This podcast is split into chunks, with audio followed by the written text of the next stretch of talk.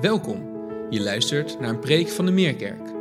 We hopen dat je door deze preek geraakt mag worden door de liefde van Jezus. En dat je aangemoedigd mag worden om Hem samen met ons te volgen en van Zijn liefde te getuigen.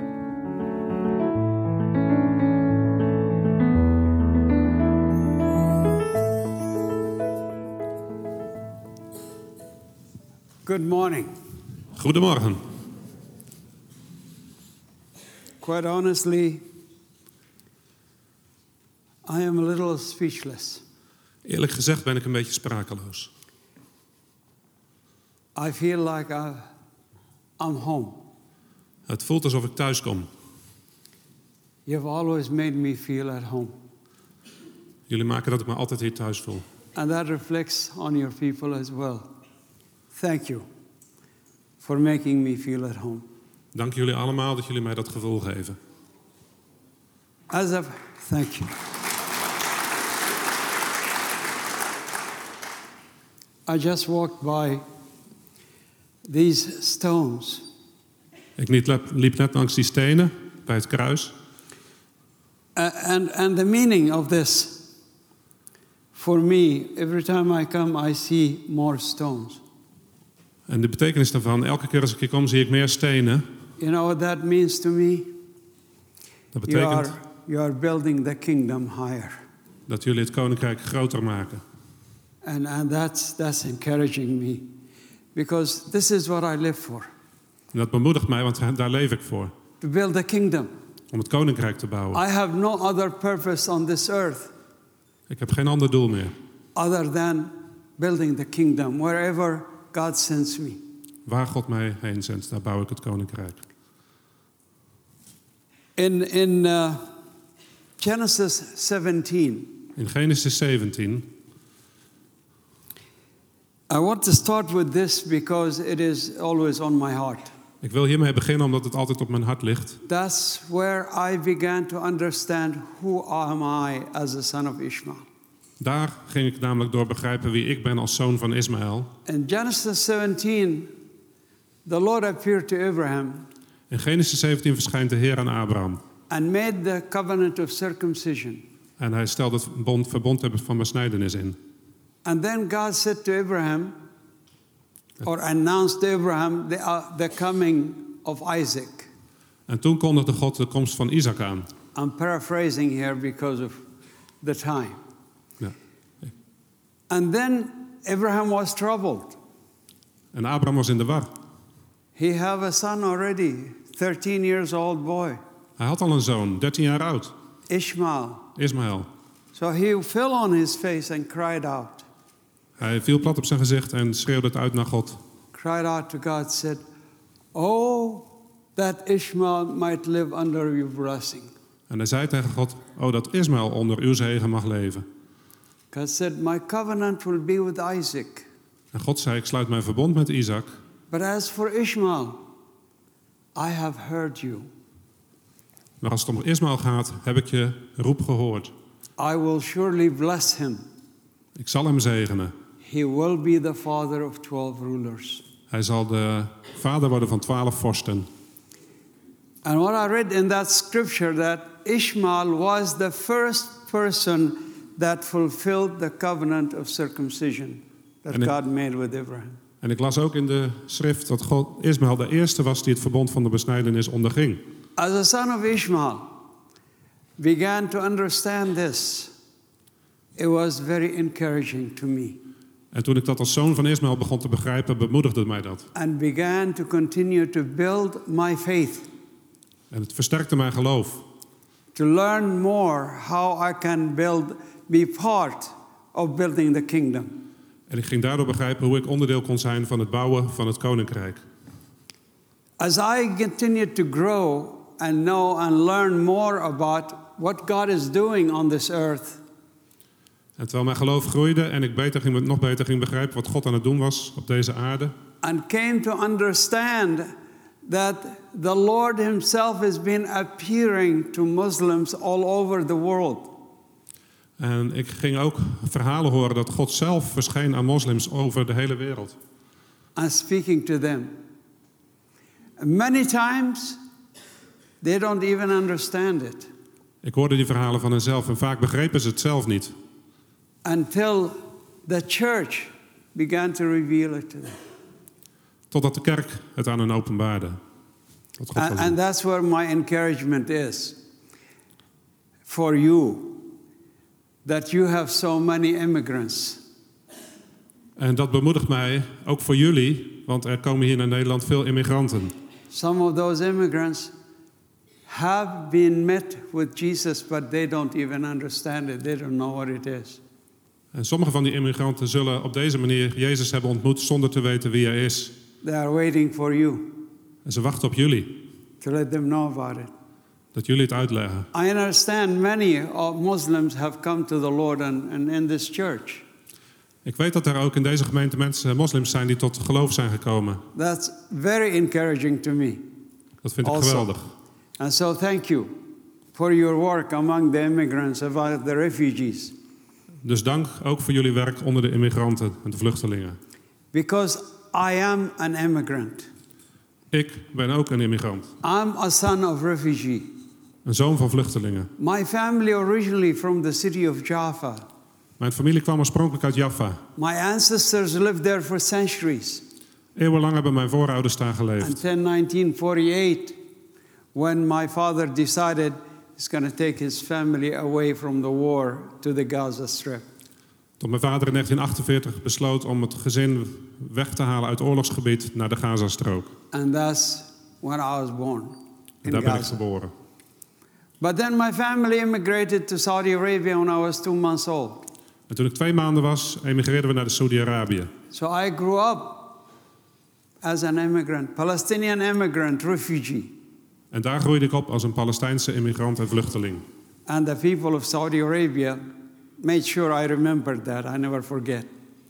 En de mensen in Saudi-Arabië zorgden er wel voor dat ik dat nooit zou vergeten, dat ik een vluchteling was. And then at the age of 10 years old, I have to immigrate again. My family had to immigrate again to Qatar. En toen ik tien jaar oud was, emigreerden we opnieuw naar Qatar. My family did well. Met mijn familie ging het goed. They, they did very well financially, they, they were successful. Het ging financieel heel goed met ze, ze hadden succes. But right here, I'm troubled. Maar in mijn hart was ik in de war. I'm not feeling peace. Ik had geen vrede. I'm still an immigrant and refugee. Ik was nog altijd gezien als een immigrant en Then, vluchteling. when we lost the 67 war, that's when I thought, that's it. En toen we de oorlog van 1967 verloren, dacht ik, nu moet ik wat gaan doen. I'm to go to fight for my homeland. Ik ga vechten voor mijn thuisland. These Arab leaders are selling us out to the Jews. I'm to go to fight. De Ara- Arabische leiders verkopen ons land aan de Joden. Ik ga zelf vechten. I was angry. Ik was woest. I hated Jews passionately.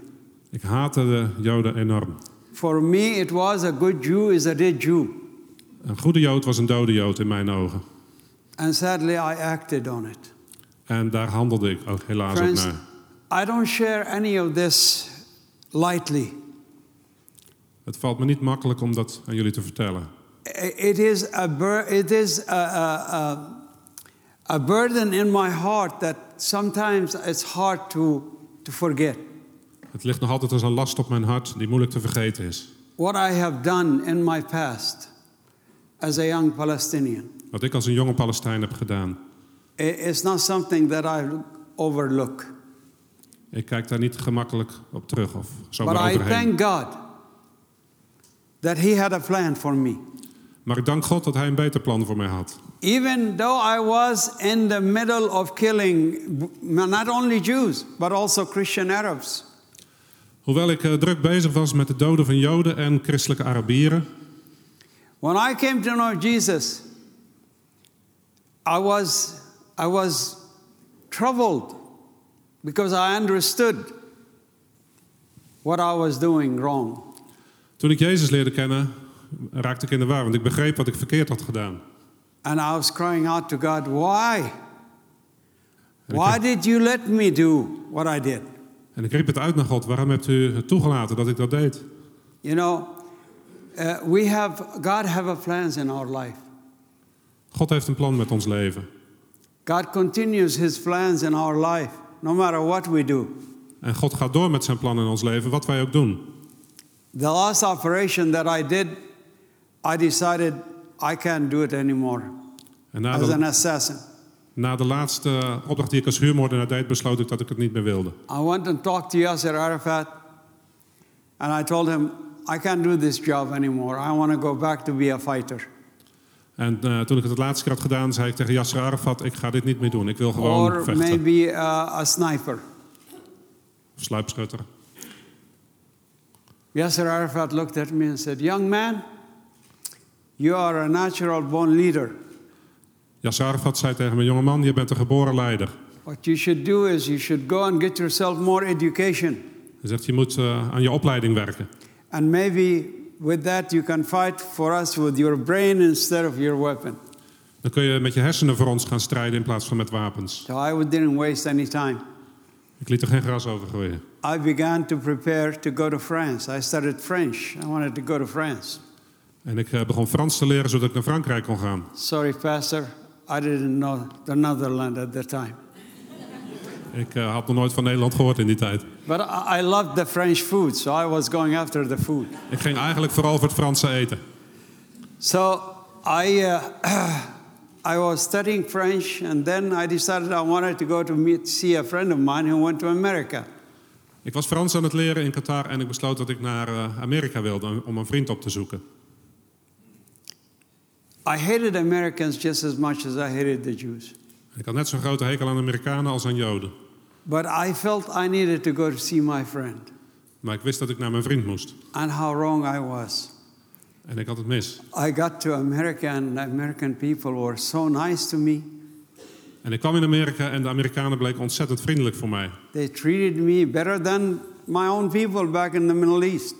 Ze behandelden me veel beter dan mijn eigen mensen in het Midden-Oosten. I thought, these American people are really good people. I think I want to stay here. En ik dacht, die Amerikanen zijn zo slecht nog niet, ik wil hier blijven. And so I started thinking, how can I stay? Hoe kan ik hier het beste I don't blijven? want to go back all the way back to Qatar and apply for a visa, for a student visa, and all of that. That will take a lot of time. En ik wilde daarvoor niet terug naar Qatar om allerlei papieren in orde te maken. Dat zou te lang duren. So I asked my friends what would be the best way to stay in America. Dus ik vroeg aan vrienden wat de beste manier was om in Amerika te mogen blijven. They said to marry an American girl. Zij trouw met een Amerikaans meisje, zeiden ze. I thought that's no problem. That's easy. Dat is een makkie, dacht ik. That's not to say my wife was easy. She was not. Mijn I, vrouw I was geen makkie, make dat sure I zeker niet. correct the records here. Ja. So I went looking for American girl. Ik ging op zoek naar een Amerikaans meisje. And pastor, forgive me, I didn't know the church at the time. En I went to a nightclub. vergeef me, ik kende de kerk nog niet, dus ik ging naar een nachtclub. Uh, as I walked in the nightclub, this young lady sitting with, with some friends. En ik zag dat het meisje zitten met haar vriendinnen. I, I thought, that's my girl. En ik dacht, dat is ze. So I went and asked her for a dance. Dus ik vroeg haar ten dans. She said no. Nee. I thought, "Oh, that's not a good start. Dat begint niet goed, dacht ik. I went back to her the second time. Ik ging nog een keer terug naar haar. And she said no again. En weer zei ze nee. I thought to myself, this girl must be blind or something. Ik dacht, waarschijnlijk is ze blind. You know, I was really very masculine. And even I had a lot more hair at the time. Ik was gespierd, had veel meer haar. She didn't see that. Dat zag ze allemaal So niet. I made a decision to go to, have, to find another girl. En ik besloot op zoek naar een ander te gaan. But friends, God have a plan. Maar daar had God al een plan. My friend who was with me, he challenged me. He said, I bet you you'll never get her. En mijn vriend daagde me uit en hij zei: Wedden dat je haar nooit krijgt. That made me stubborn. En daar werd ik koppig van. I went back to her. I spoke very little English. Ik ging terug naar So haar. I went by her table, almost on my knees, and I said, Me like music, please dance. Ik ging naar haar tafel, ging bijna op mijn knieën en zei: You're Ik, not bending. Ik. Van muziek, mooi. Dansen. She looked at me, and I can tell she felt sorry for me. En ik zag dat ze medelijden met me had. She, she came and danced with me, En dus danste ze met mij. uh, and I'd never danced before, to be honest with you. Ik had eerlijk gezegd nog nooit I was eerder gedanst. stepping on her feet all the time. Stapte de hele tijd op haar voeten. And, then I, I wanted to get her phone number, so I took her outside and got her phone number. Ik nam haar mee naar buiten en wilde haar telefoonnummer per se hebben. And I started calling her every day. En ik belde haar elke dag op. Friends, what I'm sharing with you is just to set the ground for you how God really works in our life, even when we don't know. Wat ik er eigenlijk mee duidelijk wil maken met dit verhaal is dat God soms op een manier werkt in ons leven dat we het niet doorhebben. My plans were not good plans. Ik had helemaal geen goede plan op dat moment. I wanted to have an American girl, maybe two or three years, and then say goodbye. Ik wilde haar eh, krijgen, twee of drie jaar houden en dan eh, gedag zeggen. So I started calling Karen, as my wife's name's Karen, Dus ik begon Karen te bellen. and uh, every day for three days she will talk, talk, talk. En drie dagen lang aan de telefoon bleef ze maar praten. Three, four hours. Drie, vier uur lang. And I did not understand 95% of what she was saying. 35% begreep ik niet. I'm just saying, uh huh, yeah, yeah. Ja, ja, zei. Till the last third day, she spoke for four hours. Op de volgende dag sprak ze vier uur lang. I asked a friend of mine who speaks English better, and, and I had him write it on my hand what I want to say. Ik liet een vriend van me op mijn hand schrijven wat ik tegen haar wilde zeggen. She finished talking four hours, and I said to her, Please marry me. Dus toen ze na vier uur uitgesproken was, toen zei ik tegen haar... Trouw alsjeblieft met me. She was quiet. Toen was ze opeens stil. I said, Please marry me. Trouw met me. She said, Man, you're crazy. I just met you three days ago. Ben je gek of zo? Ik heb je pas drie dagen geleden ontmoet. I said, It's okay, it's okay, marry me. Het is goed, het is goed. Trouw met me. Of course, she didn't agree, but I con- continued after her until finally, five, five months later, we got married. Ik eh, bleef volhouden toen ze het niet met me eens was. Maar na vijf maanden, maanden zijn we toch getrouwd. As I shared with you, we never know when God have a plan in our life. We weten het niet als God aan een plan bezig is in ons As I leven. shared with you, I was planning on maybe two to three years, marry Karen, get my papers in America, and say, say goodbye. Zoals ik al zei, ik wilde twee of drie jaar bij haar blijven, mijn papieren in orde maken en dan gedag zeggen tegen haar. But thank God, she's still my wife today, 48 years later. Maar nu, vandaag de dag, 48 jaar later, is ze nog steeds mijn vrouw. Was that my plan? Dat was mijn plan niet. No, that was God's plan. Dat was Gods idee. And I thank God for his plan. God, She was a good woman. ze is een goede vrouw, dus ik ben God God dankbaar. blessed us with two, a boy and a girl, We hebben een zoon en een dochter and six grandchildren. en zes kleinkinderen. I'm the happiest man. Ik ben I can't wait man to get back. Ik ga graag snel terug. Anyway, we began the preparation. I, when I married my wife, my, my father was so mad. He said, "Okay, you marry American girl, no more money from me." Toen ik met een Amerikaanse vrouw trouwde, was mijn vader zo boos op me dat hij zei: Je krijgt geen geld meer van ons. So I found a job working at a French restaurant. Coincidence? Ik eh, vond een baantje bij een Frans restaurant. I studied French. Ik I wasn't uh, fluent in, in French, but I understood a lot. Ik had natuurlijk een beetje Frans geleerd. Ik was er niet goed in, maar ik begreep het And that wel. helped me a lot in the job. En dat helpt, hielp mij. I was a hard worker. I worked very hard. And I grew very fast. Ik werkte hard en ik klom snel op in het The bedrijf. owners liked me and, and they started teaching me how to cook. Uh, the chef, the owner, started teaching me how to cook French food. And, De eigenaar, de chef, begon mij ook te leren hoe ik eh, de Franse keuken moest koken, and, and bereiden. then the, uh, the wife of the owner, who was managing the dining room, she decided she wanted me to learn how to serve in the dining room. En zijn vrouw eh, besloot dat het tijd was dat ik zou leren hoe ik mensen kon bedienen. So she asked me if I would like to do that. Zou je dat willen? vroeg ze. I said, yes, of course. Natuurlijk, zei ik. I go to the dining room. I'm dressed in a nice tuxedo, a very fancy restaurant. En ik eh, had een mooie smoking aan, want het was een eh, chic restaurant. I was so intimidated. I was nervous. En toen ik de eerste keer die eetzaal inliep, was ik geïntimideerd. Ik ging naar mijn eerste klant toe om zijn borden My hands te were halen. shaking. En mijn handen beefden. The man sitting at the table, En de man die aan die tafel zat, he looked at me with such a beautiful smile and he said, Thank you, young man. hij glimlachte vriendelijk naar me en zei: Dank je, jongeman. I was surprised. This rich man is thanking his servant. En ik was verbaasd. Zo'n rijke man die mij, zijn dienstknecht, bedankte. That really touched my heart.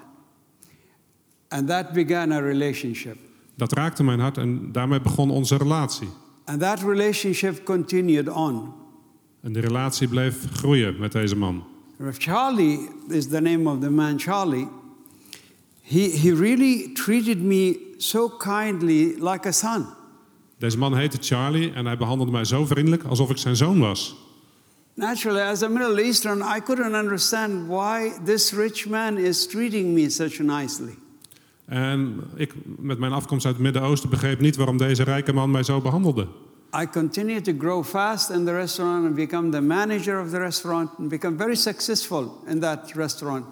En ik, uiteindelijk werd ik manager van het restaurant en ik werd heel succesvol daarin. And then I got into the hotel industry and I become more successful in the hotel industry. En ik ging over naar het hotelwezen en ook daar was ik succesvol. 19 years later, the owners, the French couple, they call me. They, they want to sell me the restaurant. En 19 jaar later eh, belde het Franse echtpaar mij op of ik hun restaurant wilde kopen. I was, that was my baby, so I ran back. I was in California at the time and uh, went back to buy the restaurant. En ik was op dat moment in Californië, maar dit voelde als mijn kindje, dus ik, ik ging als een haast terug om het te kopen. But God had a plan. Ook hiermee had God een plan. He was bringing me closer. Charlie's relationship with me for 19 years continued. Al die 19 jaar lang had Charlie de relatie met mij onderhouden. He never let me. He always come and check with me and make sure I'm doing okay. Hij eh, was altijd in mij geïnteresseerd, keek altijd of het goed met So me ging. I go back to Kansas City and I'm preparing to buy the restaurant Dus ik ging terug naar Kansas om het restaurant te and kopen. wanting to move it to my own building. It was in a, in a rental from mall, big mall, and I want to have it in my own building. En het eh, restaurant zat in een eh, gehuurd pand en ik wilde graag een eigen gebouw daarvoor aanschaffen. So Charlie, of course, was excited for me, and he's come to tell me about a place I should go to look at. En Charlie vond het geweldig allemaal en hij zei: Ik heb iets gezien, daar moet je echt eens gaan kijken. I just want to see that same place three days before. En ik was daar drie dagen eerder ook al geweest, op die plek. This building used to be an old funeral home where was- they prepare dead people for burial.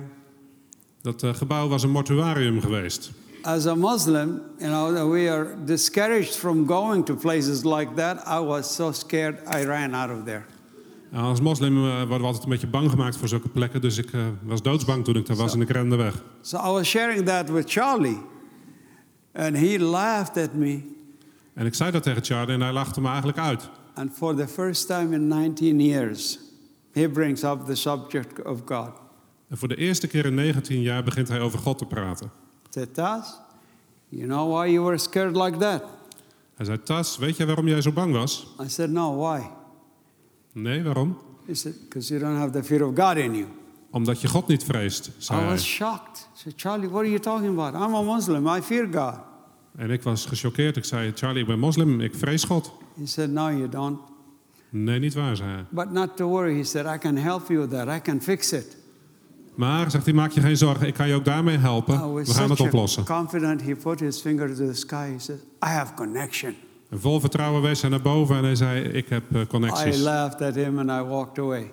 En ik lachte hem uit en ging weg. Friends, listen, listen closely. 19 years earlier, Charlie thanked me for taking his dirty dishes away. 19 jaar daarvoor had hij mij dus bedankt dat ik zijn bord And wegnam. that pla- planted a seed in my heart. Daarmee plant hij een zaadje in mijn hart. Now Charlie tells me he have a connection. En nu vertelt hij mij over zijn connecties. It's another seed that is planted in my head. En dat zaadje kwam in mijn hoofd. I keep thinking about what is this connection? En ik bleef maar denken, wat zou hij met die connectie bedoelen? asking Charlie, what is this connection? He would say, ah, you're not ready yet. En ik bleef hem daarover vragen en hij zei, je bent er nu nog niet klaar voor. Three weeks, I got to the point I could not eat, I could not sleep. En ik bleef maar malen daarover, ik kon niet meer eten, kon niet meer slapen. finally, Charlie decided it was time and he came and picked me up. En Charlie besloot dat het nu tijd was. En hij kwam me ophalen. Took me in his car to his house and he's talking to me on, on the way to his house, En onderweg naar huis eh, is hij druk met mij aan het praten. sharing with me about miracles in his life and things happened to him and this and that. And in a spiritual language, I never heard him talk like that before. Hij vertelde over wonderen die hij had meegemaakt. En hij praatte op een geestelijke manier zoals ik hem nooit eerder had horen praten. We got to the house and he's still talking and opening the door, and then he goes, Tas, to have the peace that I have, you must love a Jew. En terwijl hij eh, bij het huis de deur opendeed, zei hij... Tas, als jij de vrede wil hebben die ik ken, dan moet je van een Jood gaan houden. Now, friends, just imagine, imagine a little bit here in this moment. Moet je je even voorstellen, proberen voor te stellen. Wat het betekent. 19 years, Charlie knew this book long before I wrote it. 19 jaar lang kende Charlie mijn verhaal, lang voordat het in een boek kwam. because I shared with him all about my life and how much I hated Jews and, and what I did in the past. And he knew everything. Hij wist wat ik allemaal had gedaan en hoezeer ik de Joden haatte. For him to suggest that I must love a Jew, he was out of his mind. Het was echt dwaas van hem om tegen mij te zeggen dat ik van een I Jood was moest gaan houden. getting so angry and I'm ready to fight. Ik was zo boos dat ik hem wel kon slaan. He said, Calm down, Tess. I know, I know you're upset. Calm down, calm down. Just go Rust. sit down. Rustig, Tess, rustig, zei hij. So we went sit down. He's, I'm very anxious. Charlie, what is this connection you're talking about? Dus we gingen zitten en ik vroeg hem... eh, Zit- Charlie, wat is die connectie nou? What do you know about Jesus? Hij zegt, wat weet jij over I Jezus? said, I know Jesus. We believe in him. He's a prophet. Ik geloof ook in Jezus, zeg ik. Hij is een profeet. He said, he, He's more than a prophet. Hij is meer dan een profeet, zei I hij. said, What is he? Wat is hij dan, vroeg ik. He said, He's the Son of God. He's God. Hij is de zoon van God, hij is God. I jumped off that sofa and I said, Charlie, I don't know what's wrong with you, man. First you tell me I have to love a Jew, now you tell me Jesus, Son of God. I don't believe in this. Ik sprong op van de bank en ik was woest en ik zei... Charlie, eerst zeg je dat eh, ik van een Jood moet gaan houden... en nu zeg je dat Jezus de zoon van God is. Ik geloof hier niks van. I'm out and I'm running to their door to leave. Ik ga er vandoor en ik stond op om te gaan. Charlie said, Please, Tess, come back, sit down, give me just a few more minutes. Just come back. Calm down, calm down. Kom terug, Tess, zei hij. Rustig, rustig, ga zitten. Geef me nog even. I loved him so much. I went back, sat down. He, he left and came back. En omdat ik van hem hield, kwam ik terug en ging ik zitten. And he had a box. He took a cover off and took a book out of it. Hij had een doos bij zich toen hij terugkwam, hij was even weg geweest. eh, en hij haalde daar een boek uit. And it says on it, Holy Bible. Heilige schrift stond erop. I saw that. He came and he sat next to me this time. And he set the Bible so close to my thigh, I jumped away from it. Hij ging naast me zitten en legde de Bijbel dicht tussen ons in, dicht bij mijn been, zo dicht dat ik opzij dook. uh, why did you jump like that? Waarom deed je dat? I vroeg hij. said, I, I can't touch that. He said, Dat why? boek mag ik niet aanraken, zei ik. I said, why? It's just a piece of paper. Hoezo niet? Het is maar papier, zei hij. I, I, I said, no, no. It's got the word of God and the name of God in it. Nee, zei ik, daar staat het woord van God in en de naam He van God said, staat erin. so you believe this is the word of God? Dus jij gelooft dat dit het woord van God is? I said, yes. Ja, zei ik. As Muslims, we really don't believe that. But that moment I said yes. Als moslim geloofde ik dat helemaal niet en toch zei ik ja. He said, okay, if you believe, let me read to you what it says about Jesus. Oké, als jij dat gelooft, zal ik dan eens voorlezen wat erin staat over Jezus? Go ahead. Doe Open maar. the Bible. Brand new Bible. No marking in it, no anything. And I was going to look for a Bijbel. page. Then he stopped. And he started smiling Hij keek naar de tekst en begon te glimlachen. and began to read to me from John 1 1. En hij las voor uit Johannes 1, het eerste He vers. said, In the beginning was the Word, and the Word was with God, and the Word was God.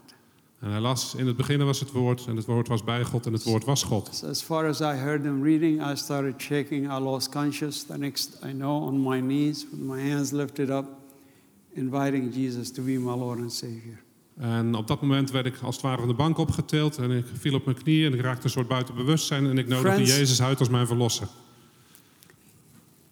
First of all, the power of God was apparent. the power of the Word of God was apparent. Op dat moment was natuurlijk de kracht van het woord van God en van God zelf was duidelijk. When he said it next to me, I felt some power coming out of this. I jumped away from it. Toen hij de Bijbel naast me legde, voelde ik die kracht al. But the more power of that all is the fact how far God would go to reach us. Maar de grootste kracht zit er maar in hoe ver God wil gaan om ons te bereiken. Why did God have the Bible open to John 1 1? Waarom denk je dat God de Bijbel open liet gaan bij Johannes 1? What's so significant about John 1 1? Wat is daar zo belangrijk aan, aan die tekst? For a Muslim, there is a lot of significance. For a Muslim, there is a lot of significance.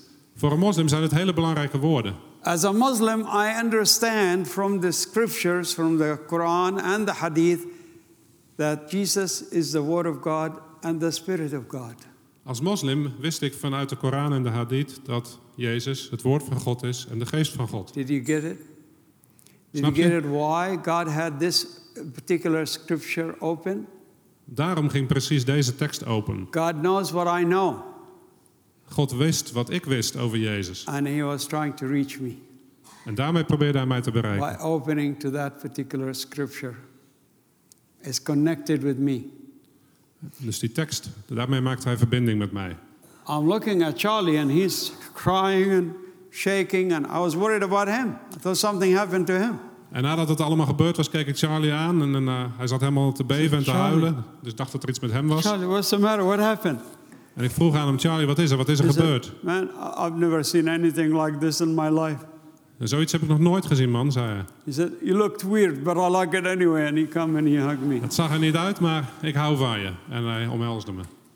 He said, When I started reading the word to you, Hij zegt, toen ik het woord begon te lezen, you started shaking violently. Begon je heftig te schudden. Then you were taken off the sofa in the air. Toen werd je opgenomen vanaf de bank. It looked like you were fighting something. En het leek alsof je tegen iets vocht. Then you were brought down to your knees, En vervolgens werd je op je knieën and your hands were lifted up. En je handen gingen omhoog. And you started speaking in a language you said, I don't know what you were saying. It was not English. En toen begon je een taal te spreken die ik niet begreep. Het was geen Engels. I was speaking to a powerful light that was saying, I am Jesus. I am the way, the truth, and the life. Ik sprak op dat moment tegen een licht dat ik zag en dat tegen mij zei: Ik ben Jezus, ik ben de weg, de waarheid en het leven. And there is no other way to the Father except through me. En er is geen andere weg tot de Vader dan door mij. In front of that light, there was two hands in the air like this, En bij dat licht zag ik twee handen in de lucht. with the cross tattooed right there. Met een tatoeage van een kruis op een van When de I saw handen. those hands, I knew exactly whose hands were those. En toen ik die handen zag, wist ik bij wie ze hoorden. It was the hands of my nanny when I was seven to ten years old. Die handen behoorden bij mijn nanny toen ik I 7 had tot a 10 jaar nanny oud was. from the Philippines. Ze kwam Her uit de name was Filipijnen. Miriam. En ze heette Miriam. Her name was Miriam. Miriam. Yeah. Ja, I know. Are you going ahead of me?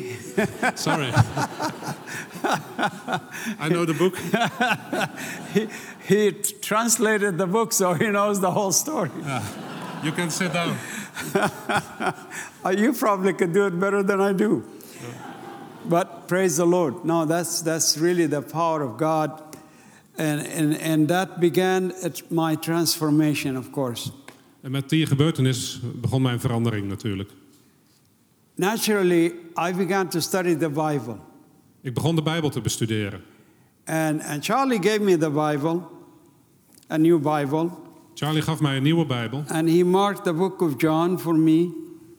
en hij eh, markeerde het boek Johannes. He said, Read the rest of the book of John Lees eerst de rest van het boek Johannes and go to, John, to Revelation, en ga dan door naar Openbaring. then go back to Matthew, Ga dan terug naar Matthäus read the rest of the Gospels. en lees de andere And evangeliën. uh, if you want to read the, the, the first covenant, the, the Old Testament, it's okay, you can, but you don't have to. En je kunt ook het Oude Testament lezen, maar dat hoeft nog niet. So, what do I do? I finish the book of John, Dus ik las het boek Johannes I finish the Revelations, en Openbaring. and I go back to Genesis. En vervolgens ging ik naar Genesis. I started reading from Genesis. And that began the most challenging times in my life. En dat dat betekent het begin van de meest uitdagende tijd in mijn leven. The Old Testament is all about Israel and the Jews. Want het Oude Testament gaat helemaal over Israël en de Joden. I was not ready yet to face that. En daar was ik nog niet klaar voor. And I always get mad and throw the Bible away. This is all Jews fabricating everything. En elke keer als ik over de Joden las, werd ik woest en smeet ik mijn Bijbel door de kamer. But the power of the Lord, the, His light that was pouring into my heart, continues to draw me back to read more. Maar het licht van God en zijn kracht bleef mij terugtrekken bij het I went woord. to Matthew. En ik las verder in Matthäus. I started jumping back and forth. Ging heen en weer in de Bijbel. And as I began to read Matthew, I began to read the genealogy of Jesus. En toen ik Matthäus begon te lezen, zag ik de afstamming van And Jezus. then I get to Matthew 5, and I get to the ninth verse, En ik las Matthäus 5, vers 9. and it spoke to me so strongly and so widely. En het eh, raakte mijn hart, deze woorden, diep in mijn Matthew ziel. 5 9 says, Blessed are the peacemakers, for they shall be called the children of God. Want in vers 9 staat, gelukkig de vredestichters, want zij zullen kinderen van God genoemd worden. I was so wanting, so badly, I want to be a peacemaker. En ik wilde heel graag zo'n vredestichter zijn. I was never a peacemaker. I was troublemaker all my life. Ik was nooit een vredestichter, ik maakte alleen maar problemen. So and I, when I read that, I jumped off my chair and I cried out to God, said, Lord, help me. Dus Help toen- me. I want to be a peacemaker. I can't, I don't know how. Dus toen ik dat las, sprong ik op en bestoor en ik zei, Heer, help me, help me. Ik weet niet hoe ik een vredestichter moet zijn. And I was on my knees crying. En ik zat huilend op mijn Then knieën. I go back. I start reading again in Matthew. En ik las verder in Matthäus. Then I go to the 43rd verse and the 44th. Naar vers 43 en 44. And it says, It was said to you, the 43rd verse, it was said to you, love your neighbor and hate your enemy. But I say to you, love your enemy and pray for those who persecute you.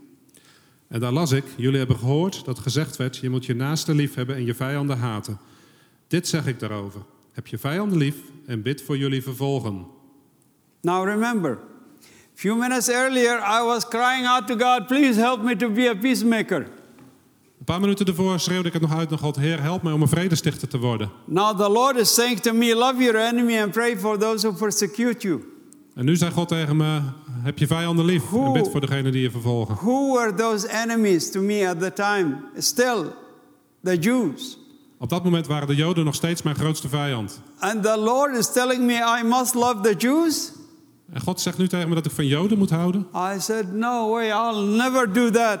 They took my homeland, they made us homeless, they did it. And I was telling him all the reasons why I, I will not love them.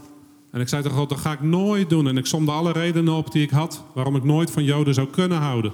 And I was on my knees, I'm just crying. En ik zat weer op mijn knieën te huilen. Suddenly I hear a little voice whispering in my ear. En opeens hoor ik een eh, hele zachte stem in mijn oor. Said, They have done more than that to me, but I still love them. En die stem zei, ze hebben mij ergere dingen aangedaan en ik houd ook van hen. That shook me. That really shook me. Dat raakte me heel diep. And I started crying out to him. I knew it was the Lord speaking to me. En ik begreep meteen dat het de Heer was die tegen mij I sprak. said, Lord, if you love them, help me to love them. I can't love them in my own strength. I cannot do it. Heer, als u van hen houdt, help me dan om van hen te houden, want ik kan het niet uit eigen kracht. And I was so overwhelmed, and I stayed on the ground, did not go back to read. En ik was zo overweldigd door deze woorden dat ik eh, lange tijd op de grond zat en niet meer ging lezen. You remember the restaurant, the building I'm trying to buy? Herinner je het restaurant nog, het gebouw dat ik probeerde te I'm, kopen? I'm still looking for a building. Ik ben nog steeds op zoek naar een gebouw. So there is a Jewish landlord who have a building that offered it to me. En so een, I eh, went to make a deal with him. een Joodse eigenaar had een eh, gebouw waar ik in geïnteresseerd was, dus ik ging naar hem toe om een deal met hem te So- sluiten. I am preparing for myself how I'm going to bargain him down. En ik ging, eh, was mezelf stevig aan het voorbereiden om eh, de laagst mogelijke prijs te krijgen. But when I got to that man, I'm at ease, I'm at peace. Maar toen ik naar die man toe ging, had ik vrede en was ik rustig. I- don't have that, that normally the hatred or the resentment that I have normally towards these people. En de haat en de minachting die ik altijd voelde, het was weg. And everything I asked for, he gave me. En alles waar ik om vroeg, kreeg ik van hem. I left that meeting, I'm, I'm, I'm totally complexed. En ik verliet die bijeenkomst helemaal in de war. What is going on here? Why, why I'm not feeling that hatred that I normally feel? En ik begreep niet waarom ik die haat niet meer voelde. It was like a conversation really going on between my heart and my brain. En ik voerde een gesprek eh, eigenlijk tussen mijn hart en mijn hoofd. My brain is saying, Hey, heart, wake up. Where is that hatred you have for these people? En mijn verstand zei tegen me, hey, word wakker, waar is die haat gebleven? And my heart is saying, It's no longer there. En mijn hart zei, dat is er niet meer. And my brain is saying, Hey, what happened? How? Hoe komt dat, zei mijn verstand.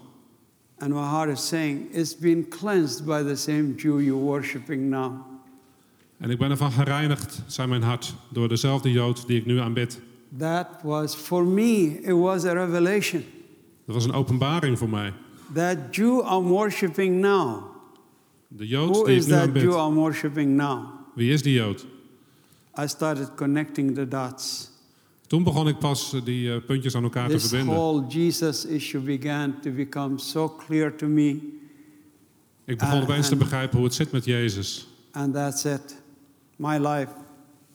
My, I knew exactly what my calling is. Vanaf dat moment begreep ik wat mijn roeping was en wat het mijn toekomst zou worden.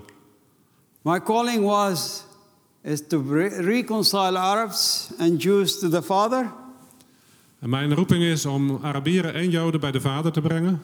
and then once we are reconciled to the Father, we are easily reconciled to each other. En als ze met de Vader verzoend zijn, dan kunnen ze zich ook verzoenen met elkaar. I came up with the, with the revelation, another revelation that the Lord is giving me. So the hope for Ishmael. What is the hope for Ishmael?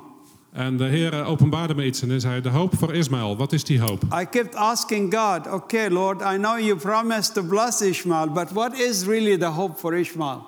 En ik zei, Heer, ik begrijp dat u Israël wilde zegenen, maar wat is nou werkelijk de hoop van Is Ismaël? that, is that the wealth that you've given them, the oil, the minerals, and, and all the land you've given them?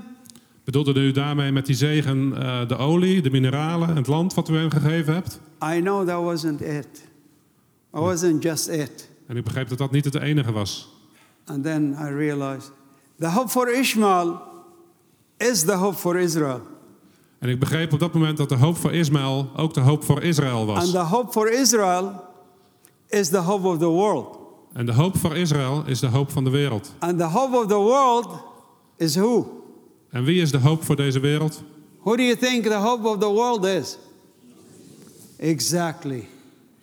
And that began my drive to bring that revelation of the hope for Israel, the hope of the world, and the world is Jesus. En dat begon mijn reis eh, om de hoop voor Israël, de hoop voor de wereld te brengen, Jezus My Christus. wife and I made my first journey to the Gaza Strip En mijn vrouw en ik gingen voor de eerste keer naar Gaza, because I was born there. omdat ik daar geboren I was. felt driven to go there. I wanted to see where I was born. Ik wilde kijken waar ik geboren I was. lived there, I was two months old.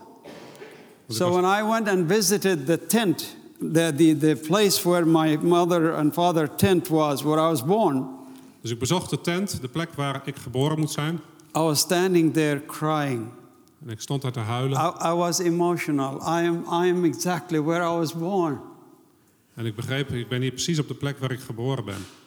And suddenly I hear a voice saying, It is time for you to return to your roots. En opeens hoor ik een stem die tegen mij zegt: Het is tijd voor je om terug te I keren looked naar je up to heaven and I said, God, why Gaza? Why not Hawaii or a place like that? En ik zei tegen God: Heer, waarom eh, Gaza? Waarom niet naar Hawaii? I really didn't want to go to Gaza. Wat had ik nou in Gaza te zoeken? But of course, God won and we went. And I'm so glad I did. En natuurlijk, als God het zegt, dan ga je. En ik ben blij dat we dat gedaan hebben. The Lord was using it so swiftly, so fast. We were leading Muslims to the Lord in many, many numbers. En God zegende dat werk heel snel, want er kwamen vele moslims tot geloof. In grote until aantallen. Hamas woke up and realized what I was doing. En Hamas eh, kreeg het door en begreep wat ik aan het doen was. A- and my wife, oh my goodness, bless her heart. A blonde, blue eyes or green eyes. Uh, sometimes it's blue, sometimes it's green. Mijn vrouw is eh, blond met eh, blauwe of groene ogen. In the middle of the Gaza Strip. If I can tell you, if I had another few hours, I can share with you testimonies of things that we went through while we were in Gaza. Als ik nog een paar uur met jullie had, zou ik verhalen kunnen vertellen over die tijd met haar in Gaza. And she was with me all the way. Maar ze bleef overal naast me I was so blessed. When Hamas attacked, we went to, the, to Jericho, we began a ministry there. Maar toen Hamas mij begon aan te vallen, zijn we verhuisd naar Jericho. But en daar ik de bediening heart- begonnen. My heart remained in Gaza. Maar mijn hart bleef kloppen voor Gaza. And the team, out of the 108 Muslims that were saved at the time, only 78 remained. En van de 100 mensen die in die tijd eh, gered werden, eh, ze hebben er maar 78 het overleefd. Until today, we don't know what happened to the other 30. Dus we weten niet precies wat met die anderen gebeurd is. Their parents don't know where they are. Hun ouders weten het niet. So, friends, I just want you to understand you have Muslim converts here that comes to, and to Christ. You have to understand that there is a lot of price that they're going to have to pay. Vrienden, als eh, er hier ook eh, bekeerlingen onder de moslims onder jullie zijn, begrijp dat ze daarvoor een hoge prijs moeten betalen. So, please try to understand what, what they go through and help them through these challenges. Probeer te begrijpen wat ze doormaken en help hen er doorheen. And not to try to push them. En ik probeer jullie niet te pushen. I wrote a second book called The Mind of Terror. Ik heb een tweede boek geschreven, The, De Geest van Terreur. The Mind of Terror is, is a book that really uh, written by myself, my wife, my daughter, my son, and some friends. Aan het boek hebben meerdere mensen geschreven, waaronder mijn vrouw en mijn zoon en dochter. And uh, a friend by the name of Dean Merrill, who was able to put us together, to put it together for us. En ook een vriend, Dean Merrill, die heeft het verhaal samengesteld. And the book was written really based on the 25 year experience that we have done, experienced in the Middle East of leading Muslims and Jews as well to the kingdom. En het boek is gebaseerd op 25 jaar ervaring van eh, Arabieren en Joden naar het koninkrijk I would encourage you to take a copy and read and study this how you can reach your Muslim neighbors in love and respect. En ik wil jullie aansporen om de boek aan te schaffen, want eh, in het boek kunnen jullie lezen hoe jullie moslims naasten kunnen bereiken. Charlie leerde mij liefde en respect. And so I would encourage you to be thinking about that when you are reaching the Muslims. Denk daaraan als je moslims probeert te bereiken met het evangelie. Liefde en respect. The challenge that my team in Gaza is going through is enormous, but De Praise uitdaging God. waar mijn team in Gaza voor staat is enorm. Maar He is with them, and they continuously leading more Muslims to the kingdom. Maar God is met hen en hij gaat door met zijn werk en meer en Yes. meer moslims komen tot They geloof. went down to 78, but now they are even more than, much more than that. So continue to remember them in your prayers, please, Het waren er dus 78 op een gegeven moment, maar het zijn er inmiddels veel meer. Blijf voor hen bidden. because it's all about building the kingdom wherever we are. Waar we ook zijn, het gaat altijd om het bouwen van het koninkrijk. In the Gaza Strip, in Jericho, in Israel, in Jerusalem, wherever we go, we are building kingdom. Of het nou in Nederland is, of de Gazastrook, of Jeruzalem, of Jericho. Waar we ook zijn, we moeten het koninkrijk bouwen. remember my team in Gaza and pray for them strongly that the Lord will protect them, but also continue to reach others for Christ.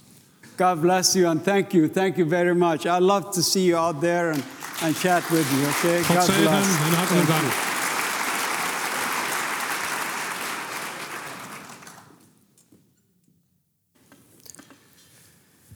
Zullen we gaan staan en een moment van gebed en ook stil gebed hebben.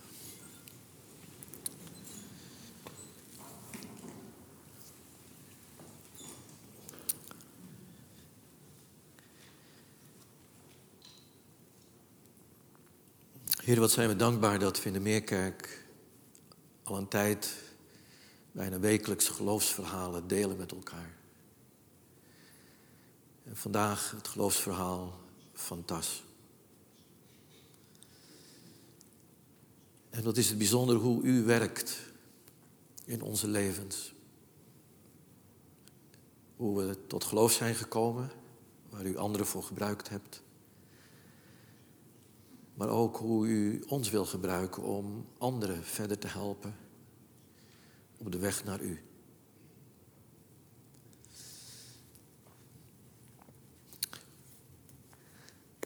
En in het verhaal van Tas zijn er vele dingen die ons raken.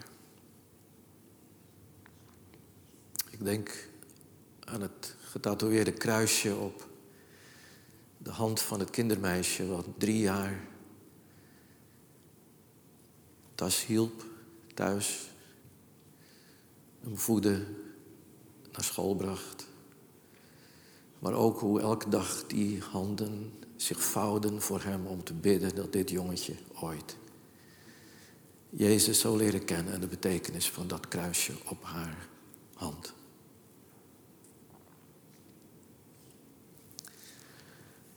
Daar worden we stil van. Dat ontroert ons. Maar dat zet ons ook aan om trouw te zijn in het kleine. En niets kan te klein zijn als we het doen in de naam van onze Heer Jezus Christus.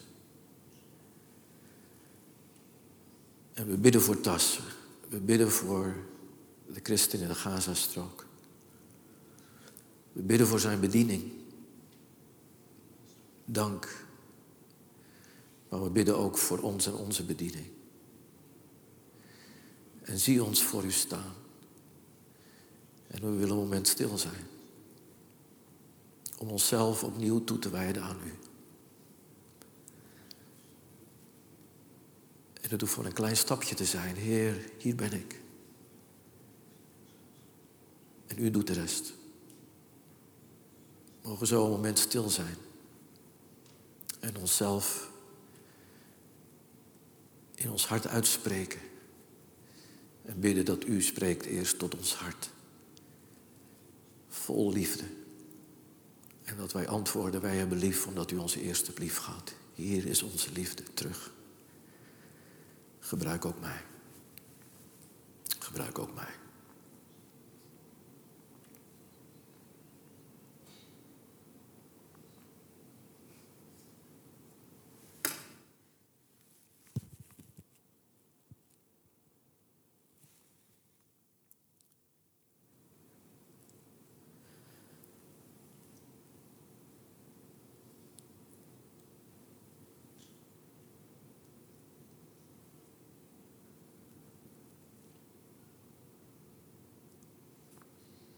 Zo, heren, willen we onszelf geven met knikkende knieën. Wetende wie we zijn. Wetende hoe we soms worstelen en strijden en het moeilijk vinden. Maar dank u wel. U hebt de wereld overkomen.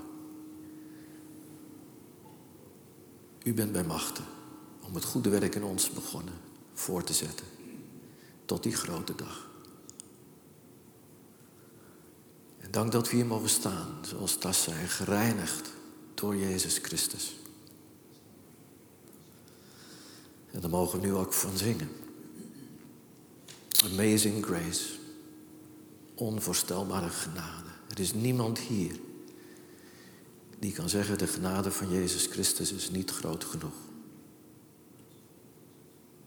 Voor mijn fouten voor mijn zonde, voor mijn onreinheid. O Heer, wat een dag. De dag van het evangelie van Jezus Christus en zijn genade. We willen het vieren, we willen het zingen, we willen het uitjubelen voor u. Aanvaard onze dank. In Jezus' naam. Amen. Fijn dat je hebt geluisterd. Voor meer informatie ga naar www.meerkerk.nl.